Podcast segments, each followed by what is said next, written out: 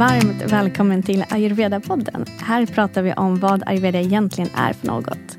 Vi låter ayurveda gå från något abstrakt och avlägset till något mer konkret och lättillgängligt med syfte att lära oss mer om hur vi kan använda ayurveda i vardagen för att främja vår egen hälsa. Jag som pratar heter Johanna Mård och du lyssnar på Ayurveda-podden.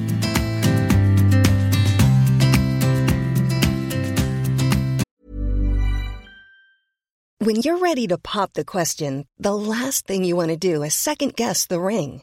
At Bluenile.com, you can design a one of a kind ring with the ease and convenience of shopping online. Choose your diamond and setting. When you find the one, you'll get it delivered right to your door. Go to Bluenile.com and use promo code LISTEN to get $50 off your purchase of $500 or more. That's code LISTEN at Bluenile.com for $50 off your purchase.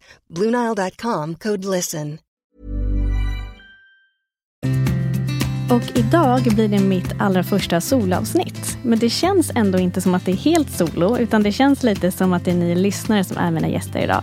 För jag har ju hört av mig till er via min, eh, min eh, Instagram och frågat er vad ni har för frågor till mig. Så idag är ett solavsnitt där jag ska besvara era frågor helt enkelt. Och jag är väldigt glad och tacksam att ni har eh, reached out. Det var väldigt kul att få veta mer om vad ni har för funderingar kring ayurveda och det vi pratat om hittills. Och idag ska jag svara på allt från tips till att hålla sig till sina rutiner och hur en vata-obalans kan te sig hos någon som är pitta eller kaffa-dominant. Och vad ayurveda kan lära oss om högkänslighet. Och det här är bara ett ut eh, några av de frågor som jag kommer svara på. Ehm, och Det känns jättespännande. Och Jag ska försöka hålla det till en så enkel nivå som möjligt för att göra det så lättillgängligt och förståeligt som jag kan. Och jag, jag älskar att ni har ställt de här frågorna. Och tack för att ni lyssnar. Tack alla yngre och alla äldre, alla män och kvinnor och du som är nybörjare, du som har arbetat länge med ayurveda. Och till alla i Sverige och till mina norska lyssnare och till alla ni som sitter i andra länder. Tack för att ni är med mig och för att ni är nyfikna och vill lära er mer och prioritera er egen hälsa och göra det tillsammans med alla, alla oss som är på den här resan. Det känns så fint att få dela det här tillsammans med er. Och innan jag går in på era frågor så vill jag ta tillfället i akt att göra en snabb resumé av det vi pratat om hittills. För jag vet att det kommer nya lyssnare för varje vecka. Så jag börjar med det. Och om vi tar det from the basic så är enligt ayurveda hela världen uppbyggd av de fem elementen. Och jag brukar säga rymd, luft, eld, vatten och jord. Och just rymd är väl det som kan vara lite svårare att relatera till. Vissa säger istället eter, men det är helt enkelt det som finns ute i rymden. Och, um, men även inom oss så har vi en hel del hålrum och tomma utrymmen i kroppen. Och Det kan vara till exempel bihålorna eller magsäcken när den är tom. Och faktiskt är det så att inuti skelettet så finns det små, små, små hål också. Och allt det här är um, vad ska man säga, det här är manifesteringar av elementet rymd. Just luft, eld, vatten och jord tror jag är lite enklare att uh, få en bild av hur det kan se ut. Så att se på världen utifrån den ayurvediska kunskapen innebär att se allt utifrån ett funktionellt perspektiv, till skillnad från ett fysiskt perspektiv som vi är vana vid. Så det är därför det kanske kan vara lite svårt ibland att förstå hur den ayurvediska kunskapen faktiskt fungerar. Men tänk att det Ayurveda lär dig att förstå världen utifrån ett funktionellt perspektiv. Så det beskriver alltså inte vad vi kan se, utan beskriver hur allt fungerar. Och Jag har tänkt lite på det här och precis som att vi inte kan se ljusvågorna som gör att vi uppfattar olika färger, så kan vi inte heller se doshorna. Så vi kan alltså inte se ljusvågorna som gör att vi uppfattar färgen röd, men vi kan ändå se den röda färgen. Och på samma sätt kan vi inte se vata, men vi kan ändå uppfatta saker som tydligt blivit påverkade av vata. Så vi kan alltså se resultatet av elementen, men inte den subtila energin som varit med och skapat det. Så om jag ska ta ett exempel. Om vi träffar en person som har skakningar i händerna, väldigt torr hy och torrt hår, så kan vi ju förstå att troligtvis så har doshan vata varit där och stökat till lite och orsakat de här symptomen. Så även om vi inte kan se vata i sig, så kan vi se resultatet av det. Så om vi leker lite detektiver, eh, så kan vi alltså försöka finna var och hur de olika doscherna har eh, härjat och påverkat det som vi ser runt omkring oss utan att vi ser själva doshorna i sig. Jag tror att ni hänger med på den metaforen. Så de här fem elementen är med och påverkar allt från årstider till energiomsättningen inuti dina celler. Och de här fem elementen är också de som avgör hur maten du äter kommer påverka dig eftersom olika livsmedel innehåller olika mycket av vardera element.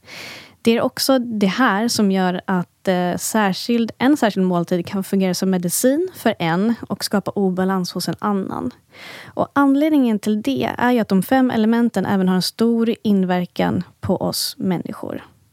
Och eh, en person som har mer av elementet eld i sin grundkonstitution kommer må särskilt bra av en viss kosthållning. Men om en annan person som har mer av elementet jord skulle äta samma sak skulle det alltså inte vara lika hälsosamt för den personen.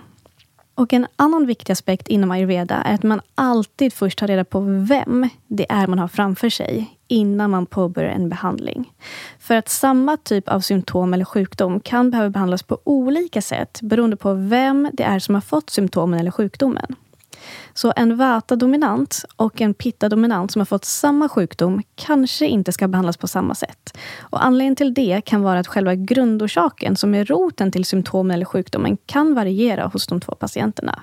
Och inom ayurveda tittar man ju inte bara på symptomen som finns synliga, utan man försöker även förstå sig på vad det är som ligger bakom, det vill säga vilka element är det som hamnat ur balans och skapat de här symptomen.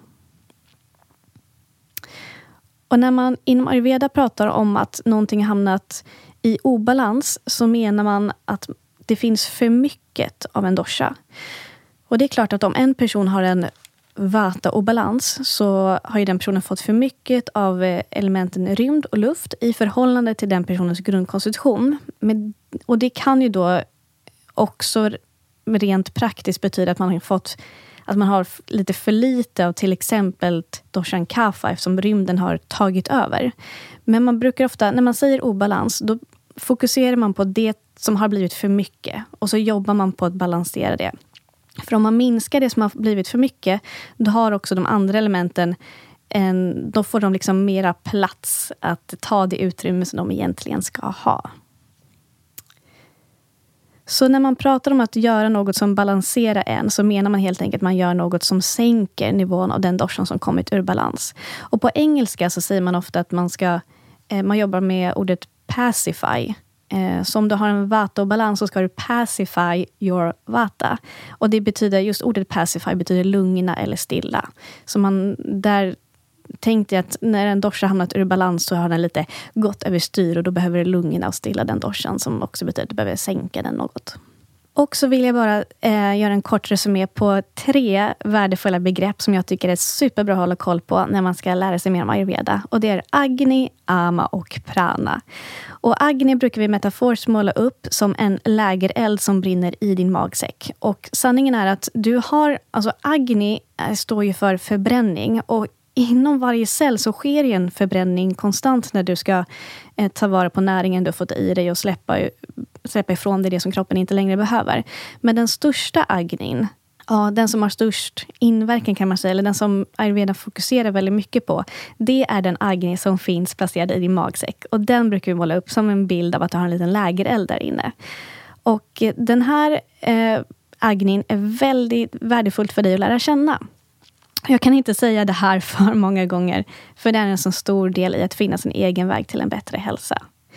Och eh, AMA, det är det vi brukar översätta till slaggprodukter eller toxiner. Och AMA kan bildas om vi bland annat äter på ett sätt som inte gynnar vår agni. Och Det kan till exempel vara om vi äter för mycket, eller äter för ofta, eller äter utan att vi är hungriga, äter när vi är stressade, eller äter sådant som tillsammans är svårt för magen att bryta ner. Om vi till exempel avslutar en måltid med fruktsallad eller om vi äter mycket råa grönsaker tillsammans med en varmlagad måltid, då blir det som en krock i magen. Och det gör också att det blir svårare för med magsäcken att bryta ner det du har ätit. Så i alla de här scenarierna så finns det alltså en större risk att kroppen börjar bilda AMA. Och det är alltså oavsett hur nyttigt det du åt var. För det kan ju vara så att någonting är nyttigt på tallriken, men om du äter för mycket när du är stressad så blir det inte bra i alla fall. Så därför säger man också inom ayurveda att vad du äter är faktiskt sekundärt och hur du äter är den primära frågan. I alla fall om du verkligen vill främja din egen hälsa. Så det som händer om man äter på ett sätt som inte främjar ens agni är att magsäcken inte lyckas bearbeta det du ätit fullt ut. Och det som händer då är att mat som egentligen inte förbränns klart i magsäcken börjar puttas ut i tarmarna ändå. Och det som händer då är att det blir lite kaos i tarmarna. Och det här kan i sin tur leda till en mängd olika tokigheter. Eh, det kan börja med magont, uppblåsthet och IBS. Och Det är bara förnamnen. Och näst på tur har vi bland annat läckande tarm, och det är hudproblem och obalans i tarmfloran och allvarligare, till, allvarligare tillstånd. Och idag säger forskningen att majoriteten av alla sjukdomar någonstans börjar i mag-tarmkanalen. Ja, ni hör ju. Det här vill vi ju såklart undvika om vi kan. Och det kan vi. Och det kan vi göra genom att ta hjälp av den ayurvediska kunskapen och praktisera de här principerna för att förebygga sjukdom istället och främja din hälsa. Så mitt tips här eh, är att lyssna på avsnitt nummer sju som heter Agni och Ama samt avsnitt nummer tio som heter De sex smakerna plus lite mer Prana, Agni och Ama om du inte redan har gjort det. För där pratar vi än mer om det här. Och sen har vi då begreppet prana. Och prana är livets kraft som finns i allt levande, i allt som växer. Och ju mer prana vi har, desto mer energi upplever vi att vi har. Och det vill vi ju såklart ha mer av. Och vi kan få mer prana dels genom att äta på ett sätt som främjar vår agni och gör att vi minskar risken för ama. Vi kan också få mer prana genom att äta sånt som innehåller mycket prana i sig. Och Det är till exempel mycket färsk, eh, färska grönsaker och färsk frukt. Och äta efter årstid, efter säsong. Och prana kan vi också fylla på med genom andningsövningar och yoga eller annan fysisk aktivitet. Eh, och när den fysiska aktiviteten då utförs på ett sånt sätt som gör att den fyller oss med energi istället för att tömma oss på våra resurser. Och prana kan vi också få av att göra sånt som vi mår bra av. Det kan vara att vistas i naturen, eller träffa vänner, eller dansa eller vad det nu än är som gör att du fylls av energi.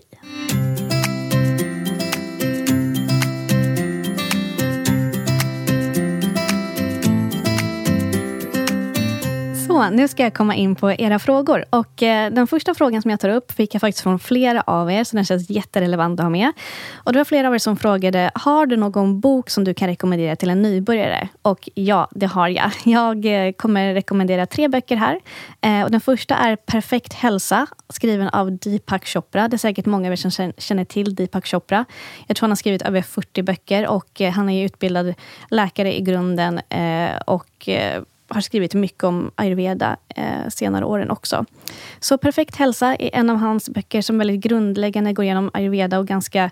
Det är både grundläggande och brett, så den kan jag varmt rekommendera.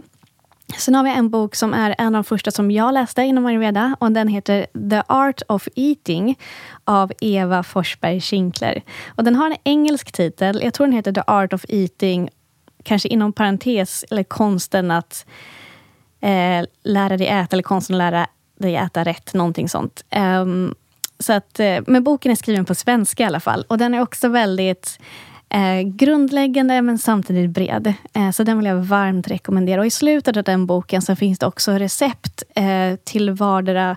Alltså är du pitta-dominant så kommer du få recept för vad du kan äta ut, under olika årstider. Så att, eh, den är väldigt bra och praktisk på det sättet också. Och den tredje boken jag kan rekommendera heter Nystart i livet med ayurveda. Den är skriven av Tia Jumbe. Den tycker jag också är väldigt fin. Så de tre böckerna kan jag varmt rekommendera.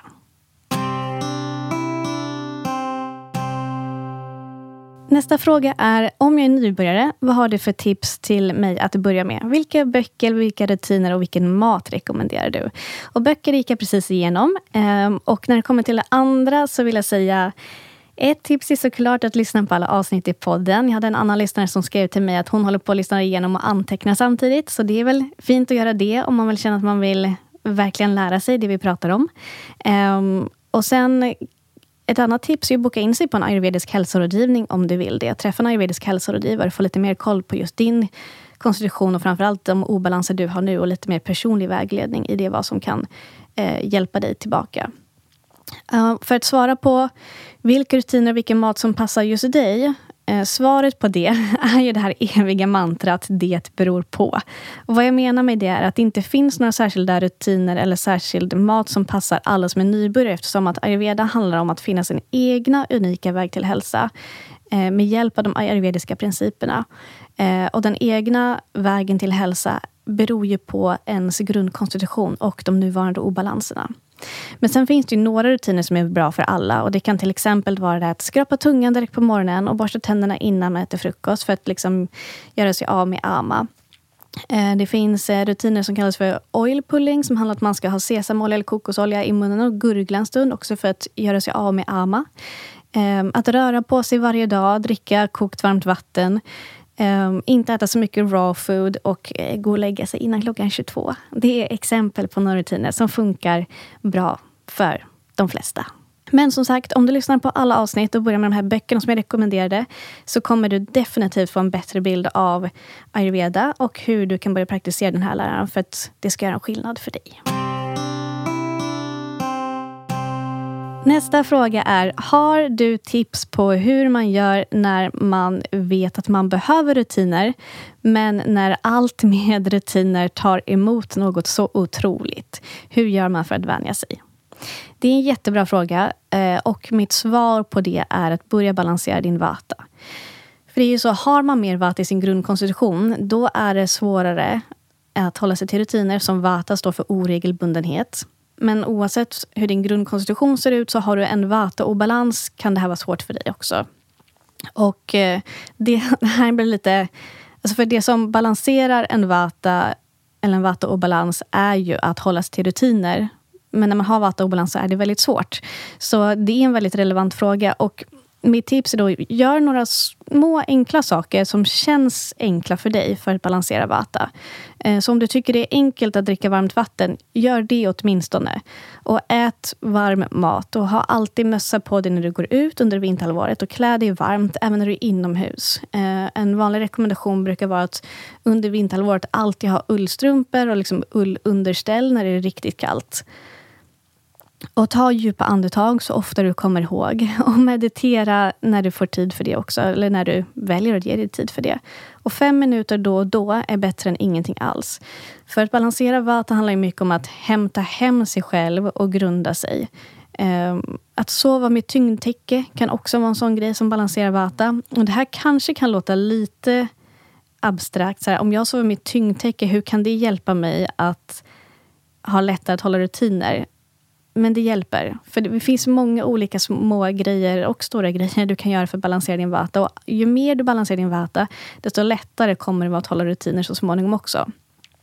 Så mm, svaret på den här frågan är helt enkelt, gör små grejer som känns enkla, relativt enkla nu. Och ju mer du lyckas balansera din vata, desto lättare kommer det vara att så småningom hålla sig till rutiner också.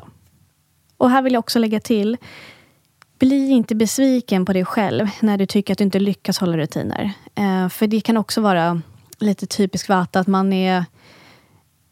Att man kan vara, eh, slå på sig själv och bli besviken. Men gör inte det, för det kommer inte, det kommer inte bli det. Det kommer inte bli bättre.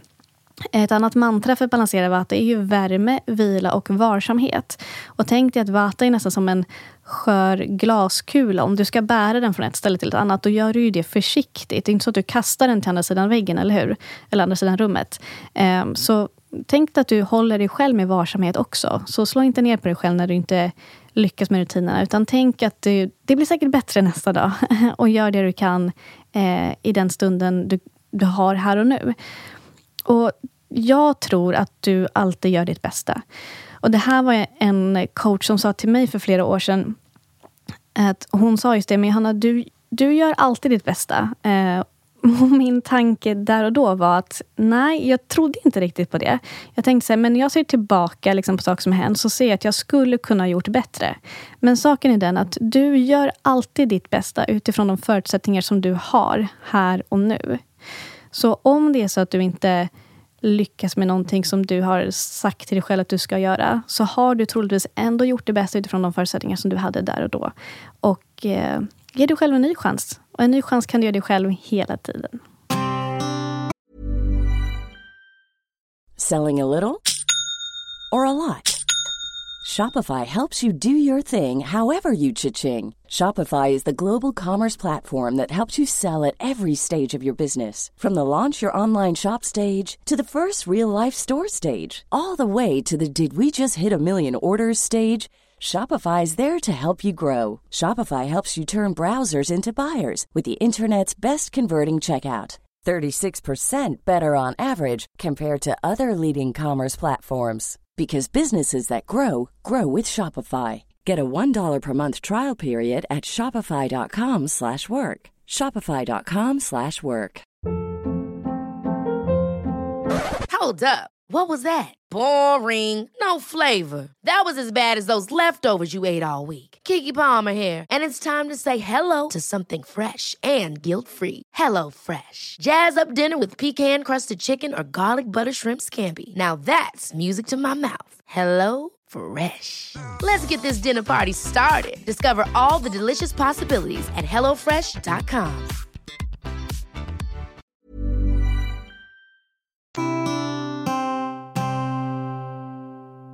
var det en av er som har skrivit så här till mig. Hon skrev, eh, när du beskrev hur en vata-obalans blir för en vata så var det jättetydligt. Och det här tror jag att jag gör i avsnitt fyra som handlar om, eller som heter Att hamna ur balans och ta sig tillbaka. Men så frågar hon, men hur blir det för en annan? Vilka symptom dyker upp då? Blir det liksom mer subtila symptom? Så hon undrar alltså, hur blir en vata-obalans hos en pitta eller kaffa-dominant? Också jätterelevant fråga. Och svaret är samma. Så en Pitta-dominant kan absolut hamna i en vata-obalans och då är symptomen helt enkelt detsamma som när en vata-dominant hamnar i vata-obalans. Så symptomen skiljer sig inte per obalans beroende på vem som får en obalans. Och det gör ju det hela ganska mycket enklare faktiskt.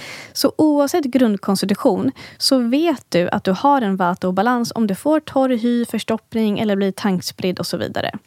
Och på samma sätt så kan en kapha-dominant få pitta eller vata-obalans och symptomen kommer då fortfarande vara detsamma som om vem som helst fick en obalans i dessa doshor. Och en vata-dominant kan såklart också få pitta eller kaffeobalans. Så oavsett hur du mår, vilka symptom du har nu, så kan du gå till ayurvediska böcker eller en ayurvedisk hälsorådgivare och berätta det här är mina symptom. Och då, som sagt, oavsett din grundkonstitution så kommer man titta specifikt på symptomen och utifrån det få reda på vilken dosha som hamnat ur balans hos just dig. Hos just dig. Och utifrån det då ge dig specifika kostråd eller livsstilsråd som kommer hjälpa dig att ta dig tillbaka närmare din grundkonstitution för att främja din hälsa. Men med det sagt så är det dock vanligt att man får en obalans i den dosha som är ens dominanta. Så har man mer pitta i sin grundkonstitution så är det lättare att man får pitta-obalans. Och det är ju för att den dominanta doshan har ju väldigt stor påverkan på dig. Eh, och den dominanta doshan påverkar bland annat dina styrkor eh, och dina intressen. Och ni vet ju det också, ni har säkert hört det, att våra styrkor eller så här, att våra svagheter egentligen är våra styrkor som har gått till en överdrift.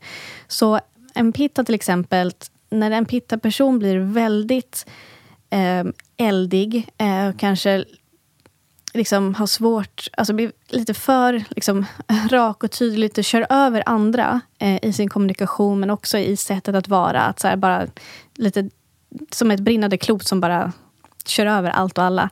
Så är ju det för att styrkan av liksom ett, att ta ledarskap och ta för sig och vara effektiv har gått till en överdrift. Så det är också jag hoppas att ni hänger med på det jag försöker säga här. Eh, det är därför det är lätt att hamna i obalans i den doshan som är ens dominanta. Men återigen med det sagt så kan alltså en vata dominant också få pitta eller kapha-obalans. Och då är symptomen detsamma som om en pitta dominant hade fått pitta eller kapha-obalans. Jag hoppas ni hänger med på vad jag menar. Eh, vi tar nästa fråga. Och det är vad finns det för tankar och tips kring högkänslighet och ayurveda? Och inom ayurveda säger man då att de som är vata-dominanta eller har vata-obalans, det är de som är högkänsliga. Och eh, jag ska måla upp en bild för er här för att kanske göra det lite enklare. För vata eh, är då likt lövet på trädet precis innan det håller på att släppa från grenen. Så vata är likt lövet på trädet under hösten, tidig vinter. Och det här lövet, det darrar ju väldigt mycket om det blåser. ni har säkert gått i skogen och gått förbi ett träd som har de här torra löven. Om det blåser lite så är det som att hela trädet liksom darrar och skakar. Och om du tar ett sånt här löv och lägger det i handen och kramar om det så går det ju sönder. Det bara kraschar och går sönder. Det här lövet är superkänsligt. Jämfört med löven på träden om våren, när de precis slagit ut och är alldeles ljusgröna de darrar inte alls lika mycket när det blåser. Eh, och om du tar ett sånt löv och lägger det i handen och kramar om det, så händer det i princip ingenting. Och de här tidiga löven brukar jag likna vid då Doshan Kafa. De har mer kafa-kvalitet. Och sen kommer den här varma sommaren och mot slutet av den perioden så har ju pitta-energin färgat de här löven röda. Återigen kan vi tänka på det jag sa i början, att vi kan inte se Vata, Pitta och Kaffa, men vi kan se resultatet av deras närvaro som jag sa i början, vi kan inte se ljusvågorna som gör att vi ser färgen röd, men vi kan se den röda färgen. På samma sätt kan vi inte se pitt under sommaren, men mot slutet av sommaren och hösten så ser vi att pitt har varit där och färgat löven röda. Um, men så, och sen kommer då den här vata-energin under hösten och börjar torka ut löven och gör dem alldeles sköra. Så vata är känsligare, både fysiskt och psykiskt. Alltså vata kan vara mer liksom smärtkänslig. Um, och Vata rent fys eller psykiskt kan vara känsliga för mycket intryck. Det är här den här högkänsligheten kommer in. Eh, har man mycket Vata och går i ett köpcentrum eller vistas på platser där det är mycket ljud, ljus och rörelse så kan det vara lite tuffare för den personen jämfört med någon som har mer Pitta eller kaffa i sin konstitution. Eh, och en Vata kan också vara mer emotionellt känslig. Eh, kan ha kan ha liksom nära till tårar eh, och nära till känslan av utmattning. Men kan också ha nära till skratt och en stor förmåga att vara inkännande inför andra känslor. Men som man brukar säga, att ju mer vata, desto känsligare. Så om man tycker att det är ett problem, att liksom högkänsligheten är jobbig, då är ju mitt råd att balansera din vata. Att grunda dig, grunda dig och återigen grunda dig. Ehm, I, redan i det här avsnittet och i många tidigare avsnitt så pratar vi lite då om då, eh, då och då om saker du kan göra för att balansera din vata. Och vi kommer även ha ett avsnitt här ganska snart som handlar om specifikt doshan vata och vad man kan göra för att eh, ta hand om sig när man känner att man har lite vata-obalans. Sen har vi en annan av er lyssnare som skriver Tack för ett jättebra avsnitt om relationer. Och Det här är alltså avsnitt nummer 15 som heter Vad kan ayurveda lära oss om relationer? Och eh, tillbaka till frågan. Så skriver hon så här. Men jag undrar hur blir det i en relation mellan två vata-dominanta, två pitta-dominanta eller två kapha-dominanta? Och då först, om vi tar det så här, om... Nu ska jag måla upp ett scenario där alla är i obalans. Så vi börjar där. Så om två vata som är i obalans är i relation med varandra eh, så är det klart att det finns en större risk att det blir ännu mer kaos, ännu mer stökigt. Att liksom Mm, att göra listorna tappas bort och man glömmer bort saker som var viktiga. Och vem var det som skulle hämta på förskolan nu egentligen? Och det, kan bli, det kan bli ganska stökigt. Eh, två pitta eh, som är i obalans eh, och i relation med varandra kan såklart elda upp varandra ännu mer. Och plötsligt ska liksom allt ska bli en tävling och allt ska bli en argumentation.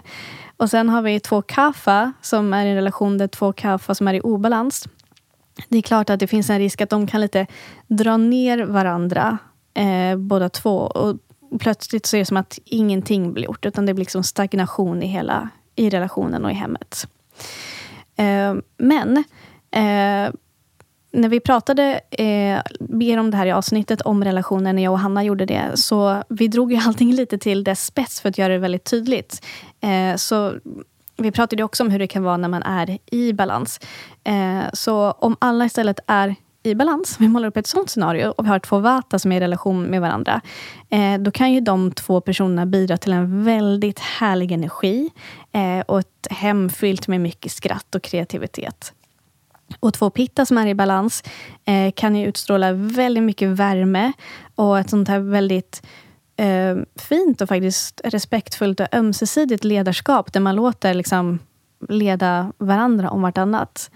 Och eh, två kaffa eh, som är i balans och i en relation kan ju bidra till enormt mycket kärlek och trygghet och harmoni och bara ett skönt flöde av harmoni. Eh, dels liksom hur hemmet ser ut, men också i relation, i kommunikation och allt. Så kortfattat är väl det svaret på frågan. Eh, men sen vill jag också säga det, plus att det är ju inte bara den dominanta doshan som spelar in. Så även om vi har två personer som domineras av pitta, så betyder det absolut inte att hela deras grundkonstitution ser likadan ut. För den ena som domineras av pitta kan ju ha mer av vata än den andra. Och den andra kan ha mer av kaffa än den andra. Och så vidare. Så bara för att man är, liksom har två eh, personer som är dominanta i samma dosha så betyder det inte att hela grundkonstitutionen ser likadan ut. Och de andra doshorna, de som inte är dominanta, de finns ju också där och spelar ju också in. Så på så sätt kan ju de andra icke-dominanta doshorna också vara med och skapa någon typ av eh, balans eller harmoni i relationerna. Sen har jag också för mig att jag faktiskt har läst någonstans att vi människor ofta drar oss till en partner som kompletterar oss.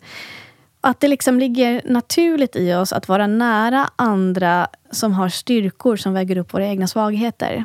Så, och när jag själv tänker på det här och tänker på min egen relation och alla relationer som jag känner till i min närhet, så kan jag se att det är väldigt vanligt att den ena partnern är dominant i en dosha och den andra är dominant i en annan dosha. Så jag tror att det finns någon typ av instinkt i oss att vi gärna drar oss till någon som sagt, kompletterar våra egna svagheter någon annan som har styrkor som vi själva inte besitter. Och nästa fråga tyckte jag var väldigt spännande, så jag ville ta med den också. Och Frågan handlar om att eh, jag ska läsa vad den här personen skrivit. Personen skrivit, jag har en tanke... Punkt, punkt, punkt. Planeten Mars står ju för mycket ilska och aggression. Blir det då mycket pitta nu under Mars retrograd? Och eh, ärligt talat så kan jag ingenting om astrologi. Eh, och en, så det finns ju dels astrologi som, jag, vet, jag tror inte man ska kalla det västerländsk astrologi, men astrologi som eh, är lite mer allmänt utbredd, allmänt känd som eh, är den typen av astrologi som vi många tänker på när vi tänker astrologi. Sen finns det också vedisk astrologi som är någonting annat. Um, jag vet heller inte vad skillnaden på de här är, men jag tycker ändå att frågan är spännande och lite intressant. Um, så ni förstår ju själva att jag kan inte svara på det här. Men jag har tagit hjälp av en tjej som heter Rosanna som jag har hittat via Instagram. Så jag skickade över frågan till henne och lät henne hjälpa mig att svara på det här. Eh, och innan jag går in på hennes svar så ska jag alltså säga då att, att Mars är i retrograd. Det innebär ju då alltså att planeten Mars har liksom hoppat ur sin vanliga omloppsbana. Och enligt astrologin så kan det här vara någonting som påverkar oss. Så, Eh, den här personen skrev att Mars står för mycket ilska och aggression och frågan är, blir det då mycket pitta under Mars retrograd? Och Rosannas svar är ja, särskilt nu när Mars går i retrograd. För då förlorar vi dessutom vår Alltså vi förlorar lätt vår impulskontroll. Liksom tålamodet kan tryta. Eftersom Mars eh, då har svårt att få ut och omsätta den här handlingspotentialen som planeten Mars annars kan hjälpa oss med. Så eh, Mars är då annars en planet som liksom hjälper oss att styra vår handlingskraft och motivation. Men nu när Mars är i retrograd så liksom... Ja, de, vi får inte riktigt den hjälpen av planeten helt enkelt, som jag har förstått det. Eh, så man skulle kunna beskriva det som att liksom elden får inte komma fram genom sitt vanliga utlopp, det vill säga genom liksom, ja, men passion och handlingskraft. Utan den här elden tar istället inom situationstecken fel väg ut. Vilket kan göra att vi får, vi får svårt att få liksom utlopp för den här vanliga passionen och handlingskraften som vi är vana vid. Eh, och Det kan resultera i att vi istället blir väldigt irriterade och arga. Så då frågade jag också då Sanna, vad kan man göra istället då för att liksom för att försöka förhindra det här, för att inte gå allt för mycket in i liksom irritation och ilska. Och då sa hon det, fokusera på att skapa stillhet så mycket vi kan. Eh, samt att fokusera energin på liksom Mars positiva egenskaper. Och Det handlar om att för din egen del nu göra enkla handlingsplaner och ta en sak i taget. Eh, så att Mars liksom fortfarande får känna sig nyttig inom situationstecken. Eh, och obeslutsamhet och otålighet, det kan man hjälpa men på det viset. Att om man känner sig lite så att, det, att man känner sig otålig, att börjar bygga upp en typ av frustration inombords. Gör en enkel handlingsplan och gör en sak i taget. Och Mars går gärna också igång på att vilja tävla och på att argumentera. Det här känner vi igen hos liksom pitta-egenskaper. Eh, så Rosanna skriver då att det skulle hon liksom tipsa om att se upp lite mer nu. Eh, för om vi liksom ska tävla och argumentera så kan det liksom eh, resultatet kanske inte blir så bra nu när Mars är i retrograd. Eh, och sen skriver hon också så här att ur ett ayurvediskt perspektiv tänker hon också att det kanske skulle vara klokt att undvika liksom pitta-höjande mat. Eh, så snarare tänka, tänka lite extra på att balansera din pitta nu. Ehm, så det är svaret på den frågan. Ehm, och här vill jag såklart också tipsa er om att följa Rosanna. Ehm, hennes konto på Instagram heter Starlight Inspiration. Och hon kan då alltså en hel del om vedisk astrologi som är ett helt nytt ämne för mig och superspännande.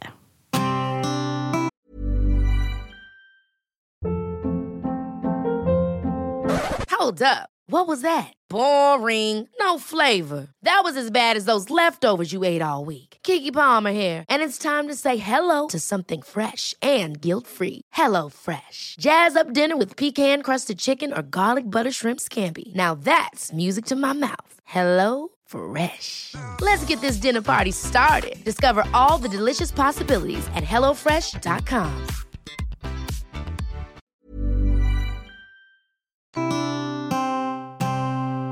nu kommer vi in på den sista frågan som jag tänker ta upp här idag. Och den sista frågan är, vilka är dina topp fem ayurvediska vardagsrutiner? Och eh, mina topp fem vardagsrutiner just nu är 1. Tungskrapa. 2. Kokt varmt vatten. 3. Nasya.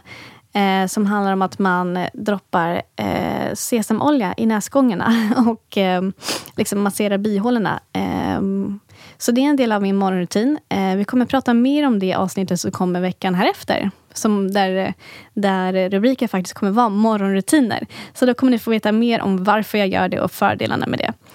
Eh, sen har vi nummer fyra. Eh, Alternate nostril breathing heter det på engelska, som är en pranayama, en andningsövning som går ut på att man eh, sätter tummen inför ena näsgången eh, och andas in genom bara en. Håller andan, sätter fingret, ett finger för den näsingången man andas in genom och andas ut genom den andra näsgången. Eh, och så varierar man så helt enkelt. Det är säkert många av er som känner till det här.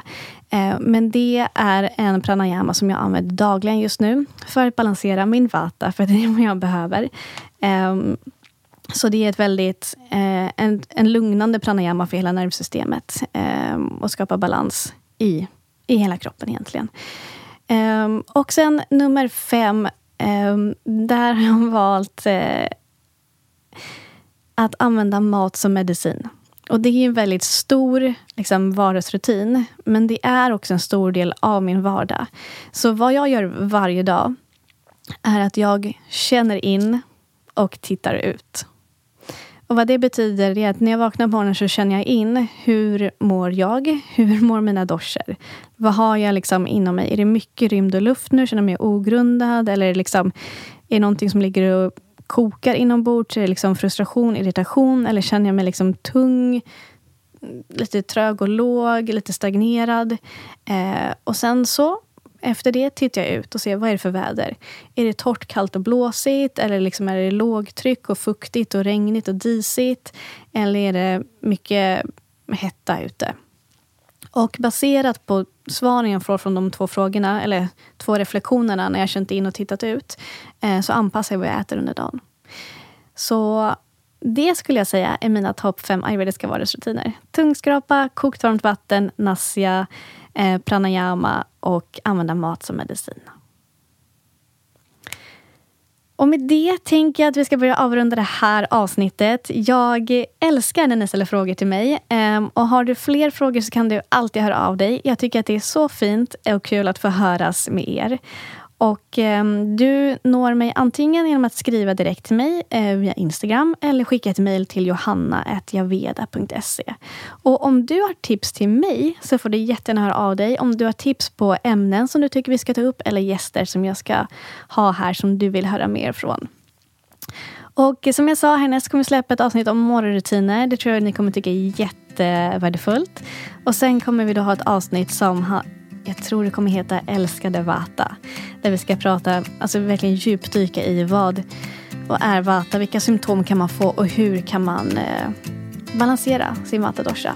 Och därefter kommer såklart ett avsnitt som ska heta Älskade Pitta och eh, även Älskade Kaffa. Där vi ska djupdyka i de här tre doshorna. Så det kommer bli tre olika avsnitt där vi kommer prata om det.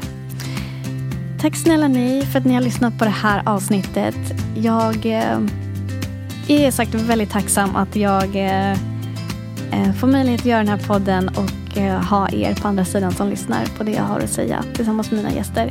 Så om du gillar den, eh, gå in och prenumerera där du lyssnar. Eh, lämna en review, betygsätt den och dela den med andra som du tror skulle uppskatta det här avsnittet. Ta hand om dig så hörs vi snart igen. Namaste.